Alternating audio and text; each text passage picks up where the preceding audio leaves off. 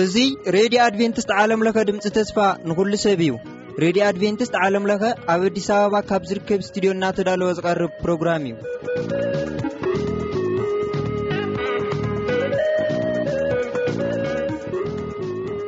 በብዘለኹም ምኸንኩም ልባውን መንፈሳውን ሰላምታና ይብጻሕኩም ንብል ካብዚ ካብ ረድዮ ኣድቨንቲስት ረድዮና። ወድኣዊ ሓቂ ዝብል ትሕዝቶ ኣቐዲምና ምሳና ጽንሑ።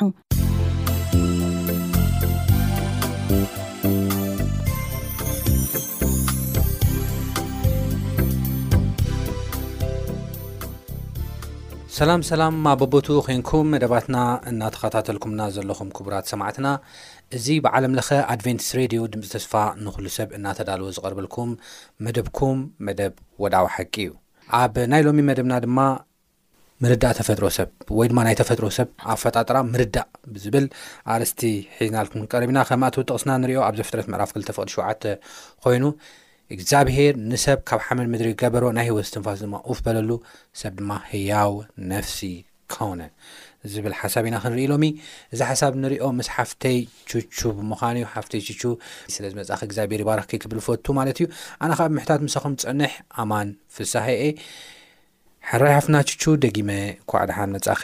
ክብል ፈቱ እምበኣር ሎሚ ሓቢርና ንሪኦ ኣርእስቲ ከምቲ ቅድም ኢለ ዝበልክዎ ኣፈጣጥራ ናይ ሰብ ምርዳእ ብዝብል እዩ እሞ ምናልባት ንኣፈጣጥራና ምርዳእ ንምንታይ የድሊ ኢልኪ ትሓስቢ? ምናልባት ከም መእተዊ ክኾነና፣ ንምንታይ እዩ ኣፈጣጥራ ሰብ ክሳብ ክንድዚ ትኹረት ተሂብዎ ኣርእስቲ ኮይኑ ክንሪኦ ዘድለየ ኢልኪ ትሓስቢ? ሕዚ ፍጥረት እንተልዩ ምስ ፍጥረት ተታሒዙ ዝመጽኡ ታሪኻት ኩሉ ኣብ ምድሪ ዘለዉ ኩሎም ኣሎም ማለት እዩ። እዎ ፍጥረት ኣሎ፣ እግዚኣብሄር ኩሉ ጽቡቕ ኩሉ ሰናይ ገይሩ ከም ዝፈጠረ እቲ ኣዝዩ ጽቡቕ ገይሩ ከም ዝፈጠረ ፍጥረት ይነግረና። ፈጣሪ ኣለና፣ ዋኒን ኣለና ንምባል እዩ። ፍጥረት ወሳኒ ማለት እዩ ድሕሪኡ ግን እዚ ተፈጢሩ ብዋን ዝተፈጠረ ፍጡር ግን ንካብዚ ዓይነት ደረጃ ከዓ ከመይ ኢሉ በፂሑ ዝብል ከዓ ዋና ወሳኒ ነገር እዩ ሕዚ ምስቲ ፍጥረት ኣሎ እግዚኣብሔር ዝፈጠሮ ሰናይ ፍጡር ብድሕሪኡ ከዓ ሓጢኣት ዝበሃል ነገር ኣብ ምድሪ ኣትዩ ምስ ሓጢኣት ተታሒቱ ከዓ እተፈጠረ ሰብ እንተስ ኣሪጉ እንተስ ብዕድመ ንኡስ ከሎ ክመውት እዩ እዚ ክልቲኡ ተተሓሒዙ ዝኸድ ነገር እዩ ማለት ፍጥረት እንተሉ እንታይ ኣሎ ሓጢኣት ዛምፅኦ እንታይ እኒኦ ሞት ኣሎ ማለት እዩ ሞት ከመይ እዩ መፅኡ ንዝብል ነገር ንክትርዳእ ከዓ መጀመርያ ፍጥረት ከመይ እዩ ተፈጢሩ ዝብል ወሳኒ እዩ ማለት እዩ ብጣዕሚ እግዚኣብሔር ይባርክ ሓፍትና ቹቹ ብፍላይ ሎሚ እውን ምስ ፍጥረት ተታሒዞም እውን ብዙሕ ናይ ስሕተት ትምህርትታት ኣለዎ እዮም ካብ ፓጋን ወይ ድማ ካብዞም ግሪካውያን ንብሎም ሰባት ብዙሕ ትምህርትታት መጽሓፍ ቅዱሳዊ ዘይኮኑ ትኽክል ዘይኮኑ ነገራት እውን ትምህርትታት መጺኦም እዮም ብዛዕባ ኣፈጣጥራ ሰብ ዝመፁ ጉጉይ ዝኾነ ኣረዳድኣ ድማ ንብዙሕ ስሕተት ትምህርቲ በሪ ከፊቶም እዮም በዚ መልክዕ እዚ ኣፈጣጥራ ናይ ሰብ እንታይ እዩ ዝብል ብትኽክል ምርዳእ ሓደ ካብ ስሕተት ክንድሕን ይገብረና ካብ ስሕተት ካብቲ ጉጉይ ዝኾነ ትምህርትታት ክንድሕን ይገብረና እዩ እግዚኣብሔር ይባርክ ኪምባር ከመይ ነይሩ ኣፈጣጥራና? እቲ ኣፈጣጥራና ንምጻእ እሞ ምናልባት ኣፈጣጥራና ኣብ ዘፍጥረት ምዕራፍ ሓደን ኣብ ዘፍጥረት ምዕራፍ ክልተን እዩ ተጻሒፉ ዘሎ እሞ መጽሓፍ ቅዱስ ኣፈጣጥራና ከመይ እዩ ዝብሎ? እዋ ዘፍጥረት ምዕራፍ ሓደ ፍቕዲ እስራን ኣርባዕተን ከምዚ ይብል እሱ ኣንቢብና ኣፈጣጠራና ያው ንፈልጥ ኢና ኮ ሰብ ከመያም ተፈጠረ ሓድሽ ነገር ኣይኮነን ናኣና እና ግን እቲ ወሳኒ ዝኾነ ሕዚ ዝበልካ ሓሳብ ምስቲ ፍጥረት ተታሒዙ ዝመፅእ ከቢድ ዝኾነ ናይ ስሕተት ትምህርቲ ግን መጽሓፍ ቅዱስና ገርና ክንፈትሖ ይግባኣና እቲ ትክክለኛ ዝኾነ ኣስተምህሮ ናይ እግዚኣብሄር ካ ሒዝና ክንካ እኒኤና ንዝብል እዩ ስለዚ ከምዚ ይብል ኣምላኽ ድማ ምድሪ ህያው ነፍሲ ዘሎ ብብዓይነቱ እንስሳን ለመምታን ኣራዊት ምድርን ብብዓይነቱ ተውፅ በለ ከምኡ ከዓ ኮነ ሂወት ዘለዎ ነገር ማለት እዩ ኣምላኽ ከዓ ኣራዊት ምድሪ ብብዓይነቱ እንስሳ ብብዓይነቱ ኩሉ ለመምታ ምድሪ ከዓ ብብዓይነቱ ገበረ ኣምላኽ ድማ ፀቡቅ ከምዝኾነ ረኣየ ይብል ኣምላኽ ከዓ ብመልክዕና ከም ምስሊ ናይዚ ሻድሻይ መዓልቲ እግዚኣብሄር ፍጥረት ክፈጥር ከሎ ኣብ ሻድሻይ መዓልቲ ዝፈጠረ ማለት እዩ ብመልክዕና ከም ምስልና ሰብ ንግበር ንዓሳ ባሕርን ንዓዋፍ ሰማይን ንእንስሳን ናብ ዘላ ምድርን ኣብ ምድሪ ለመም ዝብልን ኩሉ ለመምታን ይግዝኡ በለ ኣምላኽ ድማ ብመልክዑ ሰብ ፈጠረ ብመልክዕ ኣምላኽ ፈጠሮ ተባዕታይን ኣነስተይትን ገይሩ ፈጠሮም እዚ ዩ ዝብለና ኣምላኽ ነቲ ይኹን እዚ ምድሪ ህያው ዘሎ ነገር ክታውፅእ እናበለ እናኣዘዘ ካብ ምድሪ ኩሉ ነገር ከም ዝሰርሐ ኢና ንርኢ ብድሕሪኡ ግን ንሰብ ክመጽእ ከሎ ግን ብመልክዕና ብምስልና ታይ ንግበር ሰብ ንፍጠር እዚ ሓደ እዩ ማለት እዩ ስለዚ ኣብዚ ዘሎ ንባብ ክልተ ነገራት ክንኢላ ሰብ ህያው ፍጡር እዩ ኢልና ወዶ ኣንቶ ኣንቢብና ኢና ኣብ ዘፍልጠት ምዕራፍ ሓደ ዘለዎ ማለት እዩ ክነንበቦ ከለና እንታይ ኢልና ኣብቲ ቦታ እግዚኣብሄር ኣምላኽ ካብ ምድሪ ሰብ ከም ዝፈጠረ ካብ ሓመድ ገይሩ ከም ዝፈጠረ ወዶ ካብ ፍንጭኡ ከዓ ናይ ትንፋስ ህይወት ከኣ እንታይ ገሩ ከም ዝሃቦ ከምኡ ከኣ ኣብ መጨረሻ ሰብ ከኣ ህያው ነፍሲ ከም ዝኾነ ኢና ንርኢ ማለት እዩ እዚ ኣብ ዘፍጥረት ክልተ ሸውዓተ ንረኽቦ ማለት እዩ ሰብ ህያው ነፍሲ ዝኾነ እግዚኣብሄር ብኢዱ ካብ ምድሪ ገይሩ ከም ዘበጀዎ ከም ዝሰርሖ ቅርፂ ከም ዝገበረሉ ካብኡ ከዓ ስንፋስ ሂወት እፍ ከም ዝበለሉ ሰብ ህያው ነብሲ ከም ዝኾነ ሓደ ኢና ንርኢ ካሊእ ከዓ ብመልክዕን ብምስልን ኣምላኽ ከም ዝተገበረ እዚ ክልተ ነገር ካብ ካልእ ፍጡር ንሰብ እንታይ ይገብሮ እዩ ይፈልዮ እዩ ማለት እዩ ኣብ ሰብ መፅኡ ግን እግዚኣብሔር በዕሉ ድንንሉ ማለት እዩ ትንፋሱ ምክንያቱ ብምስሉ ብምንታይ ኢና ተሰርሕና ብምስሉን ብመልክዕን ተሰርሕና ማለት እቲ መንነት እግዚኣብሔር ኣባና ተገለፀልና ኢና ሕዚ ሰብ ብከምዚ እዩ ተፈጢሩ እግዚኣብሔር ናይ ሂወት ዝስፋስ ሂቡ ፈጢርዎ ኢልና ክንብል ከለና ሳይንስ እዚ ንረኣየዎ ዶ ሳይንስ ባዕሉ ሲ ሰብ ሃመይ እዩ ተፈጢሩ ንዝብል ነገር ብዙሑ ትንታነ ክህብ ኣይከኣልን የለን ተመራመርቲ መኣት ኣብዚ ምድሪ እኒኦ ፍሉጣት ዋዶ ነቲ ሰብ ኣፈጣጠራ ሲ ካብዛ ተፃሒፋ ካብ ዘላ ነገር ወፃኢ ሲ ዝህቦ ምንም ዓይነት ትርጉም የለን እዚ ዘርእካ ሰብ ምስጢራዊ እዩ ማለት እዩ ሰብ ምስጢራዊ እዩ እቲ ኣብ ኣእምሮና እኳስ ዘሎ ክንደይ ህዋስ ክንደይ ኬሚካል ክንደይ ክንደይ ነገር እዩ ኣብ ኣብ ውሽጢ ሓደ ሰብ ሂወት ውሽጢ ዘሎ ነገር ምስጢራዊ እዩ ተተንቲኑ ኣይውዳእን ገና ወዲ ሰብ ባዕሉ መርሚሩ መርሚሩ መርሚሩ ኣይበፅሐሉን ስለዚ እዚ ምስጢር እዚ ሒዝና ኢና ፅንዕ ዘለናና ተፈጥሮ ሰብ መስተንክር እዩ ካብ መስተንክር ላዕሊ ካልእ ቃላት ተትህሉ ንንመ ነገርና ግን ሓደ ነገር ንፈልጥ ለለና ነገር ሕና ካብ ካልኦት ፍጡራት እግዚኣብሔር ፈልዩ ዝፈጠረና እስትንፋሱ ብኣፍንጫና እፉ ዝበለልና ከምኡ ከዓ ናይ መልክዕን ምስሊ ናይ በዕሉ መንነት ለካፈለና ፍጡራን ኢና እዩ ዝብለና መፅሓፍ ቅዱስ ማለት እዩ ተፈጥሮና እዚ እዩ እግዚኣብሔር ይባረኪ ብጣዕሚ ደስ ዝብል ሓሳብ እዩ ካብዚ ብተወሳኺ ከዓ ሓደ ነገር ኣሎ እግዚኣብሄር ሰብ ምስ ፈጠረ እታ ነፍሲ ዝበልክያ እታ ህያው ነፍሲ ዝበልክያ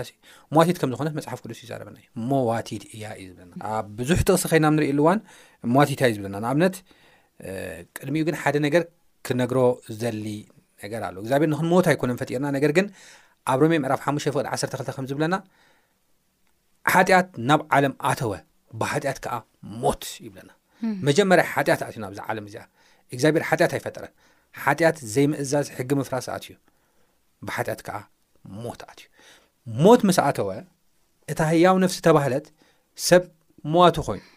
እዩ ዝብለና መዋቲ ኮይኑ እዩ ዝብለና ክልተ ጥቕሲ ከንብብ ይደሊ ሓንቲ ብህዝቅኤል ሓንቲ ብ ማቴዎስ ዘላ ጥቕሲ ከንብብ ይደሊ ህዝቅኤል ዘሎ ቃል ቃል ብቓል ክመፅእ ተተደልዩ ማለት እታ ነፍሲ ትብል ቃል እንተ ደሊናያ እታ ነፍሲ ከም ትመውት ባዕሉ መፅሓፍ ቅዱስ ይዛረበና እዩ ህዝቅኤል ምዕራፍ 18 ዘሎ እየ ከንብብ ይደሊ ቁፅሪ ባዕተ ህዝቅኤል ምዕራፍ 18 ቁፅሪ ባዕተን ቁፅሪ 2ስራ እንታይ ይብል እነ ኩለን ነፍሳት ናተ እየን ከምታ ነፍሲ ትወላዲ ከምኡ ነፍሲ ትውልድ ናተ እያ እታ ሓጢኣት ትገብር ነፍሲ ንሳ ክትመውት እያ ሓጢኣት ይቐትል እየ እቲ ሓጢኣት ትገብር ነፍሲ ከዓ ንሳ ክትሞት እያ ቁፅሪ ዕስራ ከዓ ከይድና ንሪኢ ኣለዋን ተመሳሳሊ ሓሳብ እቲ ሓጢኣት ትገብር ነፍሲ ንሳ እያ ትመውት ውሉድ ኣበሳ ወላዲኡ ኣይከፀውርን እዩ ፅድቂ እቲ ፃድቅ ኣብ ርእሱ ክኸውን እዩ ስለዚ ሓጢኣት ትገብር ነፍሲ ንሳ ክትመውት እያ ኢሉ ክዛረበና ከሎ ይዛረበና እታ ካልኣይቲ ጥቕሰይ ኣብ ማቴዎስ ምዕራፍ 1 ፍቅድ 28 ከዓ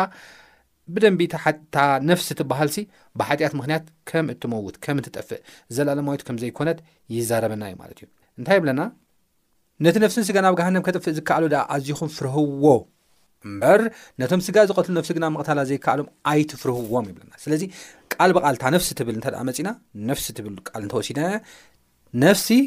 ኣብ ገሃነም ክጠፍእ እትኽእል እያ ነፍሲ ማለት ድማ መን እያ ቅድሚ ኢልካ ሓፍትናችሁ ንሕና ኢና ሰብ እዩ እዚ ነፍሲ ክጠፍእ ይኽእል እዩ ኣብዚ ሓሳብ ማቴዎስ ምዕራፍ 1 ፍቅዲ 28 ድማ ኪንዮቲ ኣካልና ዝነፍስ ዝብሪ ስምዒታትናን ሓሳባትናን ፕላንናን ብምሉኡ ዘመላኽት ከም ዝኾነ እዩ ዝነገረና ማለት እዩ ካብዚ ብተወሳኺ ኣብ መግፈ ምዕራፍ ስለስተ ፍቅዲ 19 ክሳብ 20 ውን ዝዛረቡ ሓሳብ ኣሎ ብዛዕባ እንስሳን ሰብን እናናዛፀረ ክዛረበና ከሎ ማለት እዩ እናናዛፀረ ክዛረበና ከሎ እንስሳት ከም ዝሞቱ ንሕና ውን ንመውት ኢና እዩ ዝብለና ዘሎ ኩላትና ካብ ሓመድ ኢና ኩላትና እውን ሓንቲ እስትንፋስ ንሳውን ናይ እግዚኣብሔር እስትንፋስ ኣላትና ይብል እሞ እቲ ሓደ ከም ዝመውት ንሕና እውን ንሞት ኢና ወይ ድማ ደቂ ሰባት እውን ይሞቱ ይብለና ስለዚ ብሓጢኣት ዝኣተወ ሞት ንኩሉ ሰብ መዋቲ ከም ዝገበሮ እዩ ዘርእና ማለት እዩ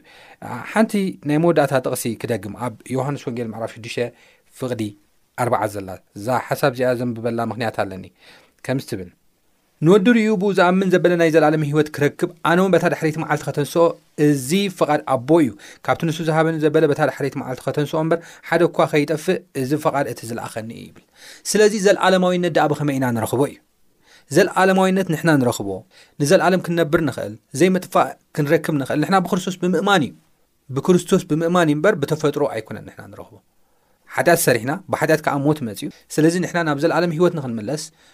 እንታይ ክንገብር ኣለና? ብክርስቶስ ክንኣምን ክንከል ኣለና።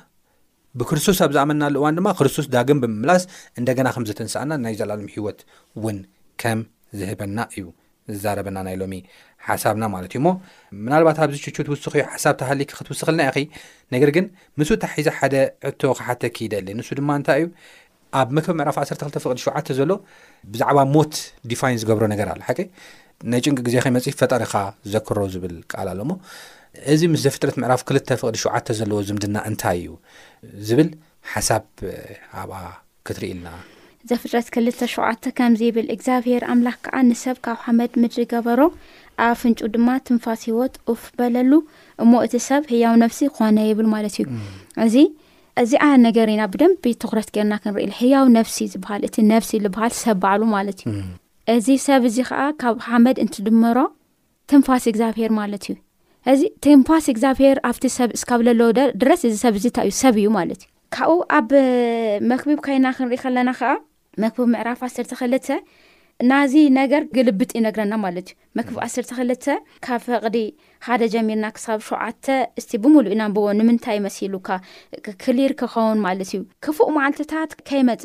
ባህ ኣይብለንን እትብሎም ዓመታት ከዓ ከይቀረበ ከሎ ብመዓልትታት ንእስነትካ ንፈጣሪካ ዘክሮ ጸሓይ ብርሃንን ወርሕን ከዋከብትን ከይጸልመቱ፣ ደበና ከኣ ድሕሪ ዝናብ ከይተመልሰ፣ በታ ሓለውቲ ቤት ዘንቀጥቅጡላ ብርቱዓት ሰብኡት ዝጐብጡላ ጠሓኒት ስለ ዝወሓደ ዘብኵረላ፣ ጠማቶም ኣብ መሳዅቲ ዝጽልምቱላ፣ ኣብ ኣደባባይ ዝእቱ ደጌታት ከኣ ዝዕጸወላ መዓልቲ ደሃይ ምጥሓን ምስ ላሸወ፣ ድምጺ ኣዕዋፍ ሰሚዑ ምስ ዝትንስእ፣ ኵለን ደረፍቲ ኣዋልድ ድማ ምስ ለሓተታ፣ ሽኡ ንበረግቲ ይፈርሁ፣ ኣብ መንገዲ'ውን ይስንብዱ። ለውዚ ትዕምብብ፣ ኣንበጣ'ኳ ይኸብድ፣ ቀመም ከኣ ዊንታ ኣየልዕልን። ሰብ ናብ ናይ ዘለኣለም ማሕደሩ ይኸይድ እሞ፣ መልቀስቲ ኣብ ኣደባባያት ይዞሩ። ድሒር ብሩር ከይተበትከ፣ ፍዮ ወርቂ ከይተጨፍለቐ፣ ዕትሮ ኣብ ዓይኒ ማይ ከይተሰብረ፣ መዛውር ከኣ ኣብ ዔላ ከይተጨፍለቐ፣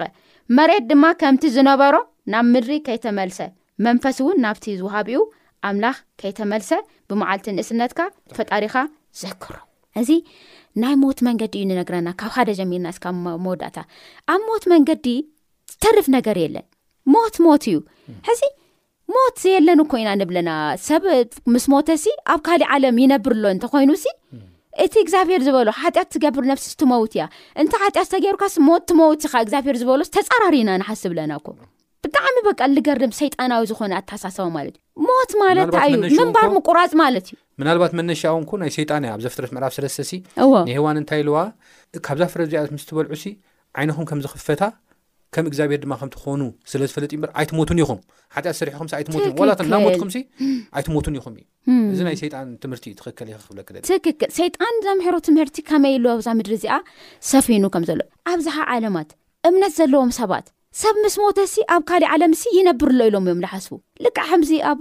ኣባና እውን ከም ባህሊ እውን ከም እምነት ተዃዩ ተታሒዙ እኒኦ። ነብስኻ ኣብ ገነት የንብሮ ትብል። ነብሲ ይምሓር ዝብል የለን። ከምኡ ዝበሃል ነገር የለን። እንታይ ይብል ኣብዚ መሬት ናብቲ ዝነበሮ መሬት ይምለስ፣ ትንፋስ ከዓ ኣብቲ ወሃቢኡ ትምለስ። ሰብ ዝበሃል የለን ድሕሪኡ። ተወደኣ ተወደኣ። ስለዚ እዚ ተጻራሪ ንኣምላኽ ሓሳብ ክንከይድ ምንባር በቃ ምንባር ጥራሕ እዩ ን ሞት የለን ማለት እዩ ከምኡ ተኮይኑ መንፈስ ትበሃል መጀመርያ ሰብ እኳ ኣይነበረትን እንታ ትንፋስ እግዚኣብሄር እኮ ትንፋስ እያ ኣብ ዝኾነ ሰብ ነራ ካብ ድሃረ ሓመድለ ሰብ ነይሩ ክልተ ሰብ ኣጋጮ ይኮነ እግዚኣብሄር ሰብ ገይሩ ይብለና ሰብ ሰብ ንክኸውን እንተኮይኑ ሰብ ህያው ነፍሲ ዘለዎ ክኸውን እንተኮይኑ ትንፋስ እግዚኣብሄር ዝተደመሮ ሓመድ እዩ ተተፈላለዩ ተፈላለዩ የለን እዚኣ ክንኣምና ይግባኣና እዚዩ እዚ ናይ ሰይጣናዊ ትምህርቲ ታይ ይብለና መሲሉካ ዳሓረ ነብሲ ትባሃል ኒኣ እሞ ንኣኣስ ትጽልየላ ንኣኣስ ካብ ሓጢኣት መንገዲ ካይዳ ተሞይታሲ ተጸልዩላስ ናብ ገነት ትኣቱ ሌለ ማለት ሌለ ኣእምሮና ሰይጣን ላብ ለይኮን ኣተሓሳሰባ ወሲዱና ናብ ኣዝዩ ከቢድ ዝኾነ ባርነት ናብ ኣዝዩ ኮለል ዳሓር ፍትሓት ኣሎ ዳሓር ዝኽረት ዝበሃል ኣሎ ብዙሕ ነገር ናብ ኣዝዩ ኮለል ኣልካ ኣብታልሞ ሓጢኣት ዝገብር ነብሲሳ ሞይታ ኣላ ኣብታ መወዳእታ ማልቲ እግዚኣብሔር ሽም ኣፀዊዑ የትስኣ ከምታ ግብራ እንታይ ትገብር እያ ዋግዓ ትረክብ እያ ተወደ መፅሓፍ ቅዱስ እዩ ዘምሕረና ዝኸበርኩም ሰማዕትና እቲ ንሒዝናዮ ዝዓበናዮ እቲ ሒዝናዮ ዝነብርናዮ ነገር ክንዳየናይ ዋላ ንኣምነሉ ተኾንና እቲ ሓቂ ግን እዚ እዩ እቲ ሓቂ እግዚኣብሔር ዝብለና ሓቂ እንታይ እዩ ትቅመጥ ነፍሲ ትበሃል ነገር የላን ትንፋስ እግዚኣብሔር ናብ ውሃብኡ እቲ ሓመድ ከዓ ናብ ሓመዱ ድሕሪኡ ግን ሓመድን ትንፋስን እንደገና ሰርሑ ከዓ ባይዘወይ ኣብ ማቴዎስ ስርሖም ክስዕቦም እዩ ዝብል ኣበዩ ሰብ ዝሰርሖ ስራሕ እዩ ክስዕቦ ናብ እዚ ማለት እሞ ሃም እተኮይኑማ እናፀለና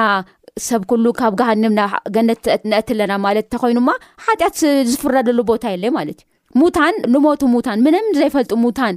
ንኦም ጸሊና ናብ ገነት እዳኣተናዮም ነብሶም እዳ እናትርፍልና እንተ ኮይንና ናይ እግዚኣብሔር ሃሳብ ከንቱ እዩ ማለት ፍርዲ የለን ማለት እዩ ስለዚ ኣብ መወዳእታ ዘመን ስራሕና የትክትለና እታ ስራሕና ከ እስካብታ ንመውት ማለት እያ እስታብታ ምንባር ጠጠው ነብል ምሟት ማለት ምንባር ደው ምባል ማለት እዩ ኣብዚ ሞትካ ካብኡ ኣብ ካሊእ ኣለም ካድካ እትነብረሉ ከም ዓይነት ድሕሪ ባይታ የለን እግዚኣብሄር ካምኡ ኣይበለናን ስለዚ እዚ ብትክክል ክንርዳእ ኣብ ብዝዓባ ኣመወታ ወዲ ሰብ ክንርዳእ ይግበኣና መሬት ናብቲ መሬቱ ትንፋስ ድማ ናብቲ ወሃቢኣ ተወደ። ካይንድ ኦፍ መብራህቲ ማለት እዩ ሕጂ ሓደ ኣምፑል ኣሎ ኣምፑል ድማ መስመር ኣሎ እታ ኣምፑል እንተ ኣጥፊእናያ እታ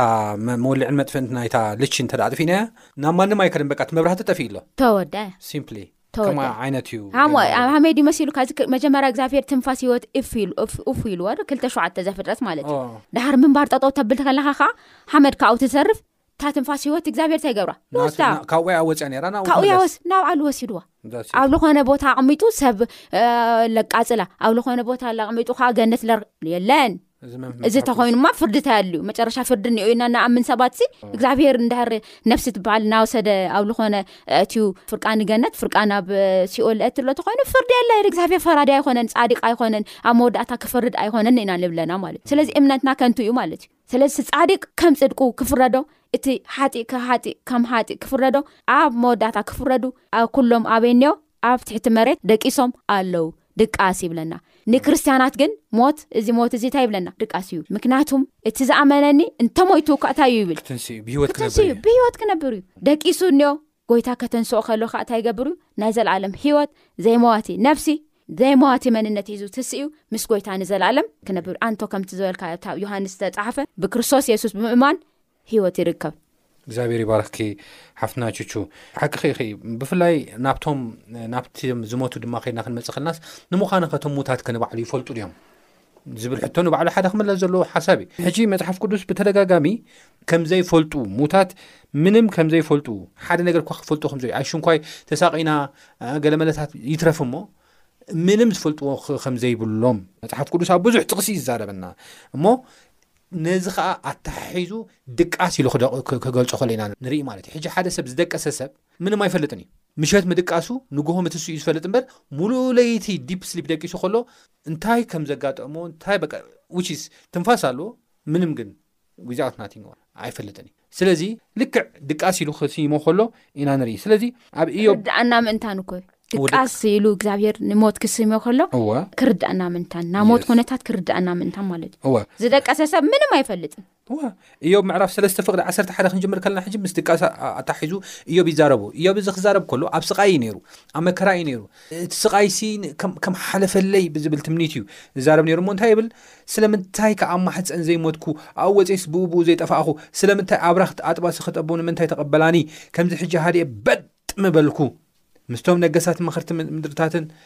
ምስቶም ናይ መቓብር ኣድራዎት ዝሰርሑ ምስቶም ብዙሕ ወርቂ ዝደለቡ ኣባይታቶም ብብሩር ዝመልኡ መሳፍንቲ ደቂሰ መዓርፍኩ ይብል ዊች ኢዝ ኣይመሃለኹን ደቂሰ መዓርፍኩ በጥ ኢለ መሓለፍኩ ነዚ መከራ እዚ ኣይመረኣኽዎን ሕጂ ግን ናብ ህይወት ምምፀይ ነዚ ኩሉ መከራ ክሪኦ በቒዐ ኣለኹ እናበለ ክዛረብ ከሎ ኢና ንርኢ ስለዚ ድቂስ ሞት ምስ ድቃስ ኣታሒዙ ክዛረቦ ከሎ ኢና ንርኢ እዚ ጥራሕ ኣይኮነን ዳዊት ኣብ መፅሓፉ ብብዙሕ ግዜ እዮብ እዚ ጥራሕ ኣይኮነን ፅሒፉ ኣብ እዮብ ምዕራፍ 14 እውን ፅሒፉ እዩ ብዛዕባ ሞት ብዙሕ ነገራት ፅሒፉ እዩ ሞት ምስ ድቃት ኣታሒዙ እዩ ፅሕፎ ዝሞቱ ድማ ምንም ከም ዘይፈልጡ ባይዘወይ እዮብ ኣብዚኣ እውን ዝብለና ዘሎ ሓንቲ ሓሳብ እንታይ እዩ ዝብለና ዘሎ ኣይምፈለጥክዎን ዝመከራስ ኤክስፔሪንስ ኣይምገበርክዎን ተዝመውት ነይረ ተዘይፈልጥ ነይረ ተዘይብለ ነይረ በጥ ምበልኩ እዚ መከራ ሰንስ ኣይመገበርክዎን እዩ ዝብል ስለዚ ብዙሓት ሰባት ቅድም ኢልካ ሓፍትና ቹቹ ሓደ ዝሞተ ሰብ ናብ ስቃይ ገለ ኣይኣቱን እዩ ዝበሃል ነገር ስቃይ ኣትዩ ከምዚ ከምዚ ዝበሃል ነገራት የለን ዝሞተ ሰብ ምንም ኣይፈልጥን እዩ ስቃይ ኣይፈልጥ ሓጎስ ኣይፈልጥ ደቂሱ እዩ ልክዕ ከም ድቃስ ደቂሱ እዩ ዘሕልፎ ዝብል ናይ እዮብ ዓብ ትምህርቲ ይዛረበና ማለት እዩ ቀፂሉ ናብ መዝሙር ዳዊት ምዕራፍ 115 እውን ኬድና ክንረአ ከለና ተመሳሳሊ ተመሳሳሊ ሓሳብ ኢና ንርኢ ማለት እዩ ምንም ከም ዘይፈልጡ ናብ ስቕታ ዝወርዱ ሰባት ምንም ከም ዘይፈልጡ እዩ ይዛረበና መዝሙር ዳዊት ምዕራፍ 115 ፍቅዲ 17 ከምዚ ይብል ሙታትን ናብ ስቕ ምባል ዝወርዱን ኩሎም ንእግዚኣብሄር ኣየመስግንዎን እዮም ሕጂ ሙታት ምስ ምንታይ ኣተሓሒዝዎ ኣለዉ ናብ ስቕ ምባል ናብ ድቃስ ዝወርድዎ ማለት እዩ ሕጂ ብዚአን ክልቲኤን ምስ እዮብ ኣናናፂርና ክንርኢ ከለና እቶም ሙታት ወይ ድማ ናብ ስቕ ምባል ዝወርዱ ወይ ድማ ዝደቀሱ ሰባት ሓደ ኣይሳቀዮም ስቃይ ኤክስፒሪንስ ኣይገብሮን እዮም ኣይለማመድዎን እዮም ኣይፈልጡን እዮም ምስቃዮም ምሕጓሶም ኣይፈልጡን እዮም ኢልና ካልኣይ ናብ ስቕ ምባል ዝወርዱ ናብ ድቃስ ዝወርዱ ካልኣይ ነጥቢ ከዓ እንታይ እዩ ዝብለና ዘሎ ምስጋና እውን ኣይመስግኖን እዮም ክብሪ ንዓኻ ይኹን እናበሉ ኣየመስግኑን ኣይሰግዱን ናብ ሰቅር ምባል ዝወርዱ ናብ ሞት ዝወርዱ ማለት እዩ ምንም ምስጋና ዝበሃል የለን እንተ ሞይትካ ማለት እዩ እታ ከተመስግነላ ትኽእል ብሂወት ክሳብ ዘለኻ ጥራሕ እያ ዝብል ሓሳብ ኣሎ እዚ ጥራሕ ኣይኮነን ኣብ መዝሙር ዳዊት መልሹ ኣብ መዝሙር ዳዊት ምዕራፍ 146 ፍቅዲ ኣርባዕተ ከዓ ኬድና ንርእየሉ እዋን ተመሳሳሊ ሓሳብ ኣሎ እዚ እሞ ብግልፂ ከዓ እዩ ዝነግረና መዝሙር ዳዊት ምዕራፍ ሚእትን ኣርባዓን ሽዱሽተን ቁፅሪ ኣርባዕተ ከምዚ ይብል ብመሳፍንቲ በቲ ክረድእ ዘይከኣሎ ወዲ ሰብ ኣይትወከሉ ይብል ትንፋሱ ይወፅእ ትንፋሱ እታ እግዚኣብሄር ኡፍ ኢሉ ናብኡ ዘትዋ ትንፋሱ ትወፅእ ድሓርከ ናብ መሬት ይምለስ በታ መዓልቲኣ ከዓ ሃቐንኡ ይጠፍእ ዝሞተ ሰብ እቲ ፕላን ዝገበሮ እቲ ዝሃቀኖ እቲ እዚ ክገብር እዚ ክሰርሐ ኢሉ ዝኣቀዶ ነገር ብምሉኡ ሽዑ ንሽዑ እዩ ዝጠፍእ ምኽንያቱ ኣይፈልጥን እዩ ዝፈልጦ ነገር የለን እዩ ዝብለና ማለት እዩ ናብ ሞት ዝኸዱ ሰባት ምንም ከም ዘይፈልጡ ምንም ከምስግንዎ ከምዘይክእሉ ተቕስቃይ ምንም ኤክስፒሪንስ ክገብርዎ ከምዘይክእሉ እዩ መፅሓፍ ቅዱስ ዝዛረበና ማለት እዩ ናይ መወዳእታ ጥቕሰይ ሓንቲ ከንብብ እሞ ድሓር ክውድእ መክብብ ምዕራፍ 9 ፍቕዲ ሓሙሽተ ከምዚ ይብል ሄዋንሲ ወይ ድማ ብ ሂወት ዘለውስ ከም ዝሞቱ ይፈልጡ እዮም እሞ ሙታት ግና ገለ እኳ ኣይፈልጡን እዮም ገለ እኳ ይፈልጡን እዮም መዘከርቶም ተረሲዑ እሞ ድሕሪ እዚ ከቶ ረብሓ የብሎምን ፍቕሮም ፅልኦም ቅንኣቶም ድሮ ጠፊኡ ካብ ትሕቲ ፀሓይ ዝግበር ዘበለ ኩሉ ንዘለኣለም ግደ ይብሎምን ይብል ቁፅሪ ዓሰርተ ከዓ ኣብቲ ትኸዶ ሲኦል ወይ ድማ ኣብቲ ትኸዶ መቃብር ሲኦል ማለት ናይ እብራይስጢ ቃል እዩ ናይ ትግርኛ ቃል ኣይኮነን ናይ ኣምሓርኛ ቃል ኣይኮነን ናይ እንግሊዝኛ ቃል ኣይኮነን ሲኦል ማለት ናይ እብራይስጢ ቃል እዩ እዚ ናይ እብራይስጢ ቃል ከኣ ናብ ትግርኛ ክትርጎም ከሎ መቃብር ማለት ሲኦል ማለት ካልእ ነገር የብሉን ስለዚ ኣብቲ ትኸዶ ሲኦል ወይ ድማ ኣብቲ ትኸዶ መቃብር ዕዮን ሓሳብን ፍልጠትን ጥበብን የልቦን እሞ ኢድካ ክትገብሮ ትረኽቦ ዘበለ ኩሉ ብሓይልኻ ግበሮ ይብል ማለት እዩ ስለዚ ሙታን ምንም ምንም ምንም ምንም ምንም ከም ዘይፈልጡ መፅሓፍ ቅዱስ ኣስሚሩ እዩ ዘረድኣና ማለት እዩ ኣብ ዳግም ምጻት እዩ ኢየሱስ ክርስቶስ ከተሳእና ዝኽእል ኣተንሲኡ ድማ ናይ ዘለኣለም ህይወት ክበና ዝኽእል እምበር ድሕሪ ሞት ናይ ዘለኣለም ህይወት ኣሎ ከይተንሳእና ዝብል ትምህርቲ መፅሓፍ ቅዱሳዊ ከም ዘይኮነ እዩ ይዛረበና ሓፍትና ቹም እዚ ተሓሒዘ ሓደ ሕቶ ክሓተኪ ይደሊ ምናልባት ኣብ መፅሓፍ ቅዱስ ኬና ክንርአ ከለና ብዛዕባ እቶም ቀደም ዝነበሩ ኣቦታት እምነት ንብሎም ናይ እምነት ኣቦታት ንብሎም ዓበይቲ ሰባት ኣብ መፅሓፍ ቅዱስ ሞተ ተቐብረ ሞተ ደቀሰ እናበለ ዝገልጾ ሓሳባት ኣሎ እሞ ምስዞም ኣቦታት እዚኦም ምዕራፍ ብዛዕባ ሞት ናይዞም ኣቦታት ናይ ምሟት ኣገላልፃ እንታይ የምህረና እንታይ ተወሳኺ ሓሳብ ይህበና ብዝብል ሓሳብ ስከርእና ቀዳማይ ቆሮንቶስ 15 ፈቅዲ 26 ከምዚ ይብል እቲ ኣብ መወዳእታ ዝሰዓር ፀላኢ እውን መን እዩ ሞት እዩ ዝብል እቲ ኣብ መወዳእታ ዝስዓር እዚ ብሃጢኣት ምክንያት ዝመፀ መን እዩ ሞት እዩ ሞት ከዓ እንታይ እዩ ኢልና ብሂወት ዘይምንባር ትንፋስ ምቁራፅ ማለት እዩ እዚ ሞት እዚ እዩ ኣብ መወዳእታ ብሂወት ዝሰዓር ማለት እዩ ብዘለኣለማ ሂወት ዝትካእ ማለት እዩ ስለዚ ኣብዚ ዘለና ነገር ሙታን ገለ ነገር ኣይፈልጡን ክንብል ከለና ክንፈርሕ የብልናን ምክንያቱም እቲ ሒዝናዮ ዘለና እምነት ሲ ምስ ሙታን ክንዘራርብ ንምውታን ዝኾነ ነገር ክንገብር ሃምዝባ እዩ ተለሚዱ ማለት እዚ ግን ሓድሽ ትምህርቲ ይኮነ ኢና ምህር ለለና እቲ ፅሑፍ ኢና ነንብ ፅሑፍ እዩ እዚ ዝፅሑፍ እዚ ሙታን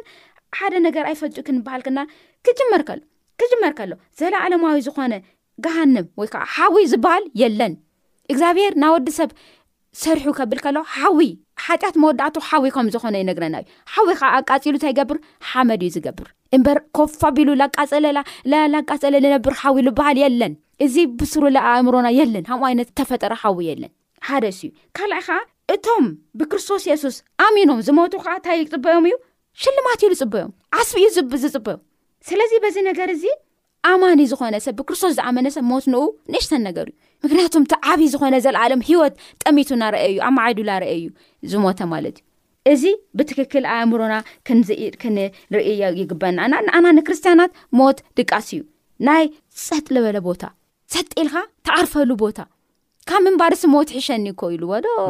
ብጎይታ ዝኣመኑ ሰባት ከምኡ ይብሉ ነይሮም ካብ ምንባር ንኣየሲ ዕረፍቲ ሕሸኒ ድቃስ ሕሸኒ ኣብታ መዓልቲ ካ መፅካ ፀዊዕካ ተሰሰእኒካ ናይ ዘለኣለም ሂወት ትገብረለካ ክብሉ ከሎ ኢና ንርኢ ስለዚ ሞት ደቂ እግዚኣብሔር ክንድዚ ዘፍርሒ ነገር ኣይኾነን ግን ናይ ህይወት ተጻራሪ ምዃኑ ክንፈልጥ ኣለና ማለት እዩ እገለ ምስ ኣቦታቱ ደቀሰ ካብኡ ከዓ ወሲዶም ደቁ ቀበርዎ ይብል ማለት እዩ ንምሳሌ እዚ ንይስቅ ይስቅ ከምቲ ኣቦታቱ ማለት ከም ኣቦ ኣብርሃም ኣብርሃም ኣቦኡ እዩ ወዶ ኣብርሃም ደቀሰ ወሲዶም ከም ዝተቀበረዩ ነግረና ዳሓረ ይስቅ ከም ኣቦታቱ ደቀሰ ደቁ ኤሳው ንያቆብን ወሲዶም እንታይ ገብሩ ኣብቲ ናይ ኣብርሃም መቃብር እንታይ ገብሮም ቀበርዎ ይብል ድቃሲ ይብል ማለት እዩ ንኩሎም ኣም ይብል እቶም ክፉኣት ገበርቲ እቶም ክፉኣት እከይ ገበርቲ እኳ ከቢድ ስራ ሓጢኣት ኣብ እስራኤል ዝገበሩ ካ ስታይ ይገብሩ ደቀሱ ይብለና ማለት እዩ እስቲ ዘፍጥረት ነንብብ ዘፍጥረት ዕስራን ሓሙሽተን ሸሞንተ ነንብብ ንሓደ ሰብ ድቃስ ኣብዚ ይነግረና ማለት እዩና ዘፍጥረት ዕስራን ሓሙሽተን ፈቅዲ ሸሞንተ ከምዚ ይብል ኣብርሃም ድማ ጽቡቅ እርግና ኣሪጉ እድመ ጸጊቡ ትንፋሱ ወፀት ሞተ እውን ናብ ህዝቡ ከዓ ተኣከበ ይእከብለዉ ካልኦት ግን ዳቃሱ እዩ ዝብለና እዚ ዝነግረና ነገር ፅቡቃት ይኹኑ ክፉእ ዝገበሩ ነገስታት ኩሎም ደቀሱ ይብለና። ንኣብነት እዚ ካልኣይ ነገስት ዕስራን ኣርባዕተን እስቲ ንርኣይ። ካልኣይ ነገስት ዕስራን ኣርባዕተ ክንርኢ ከለና ሓደ ሰብ ንርኢ ኣብዙ ፈቕዲ ሽዱሽተ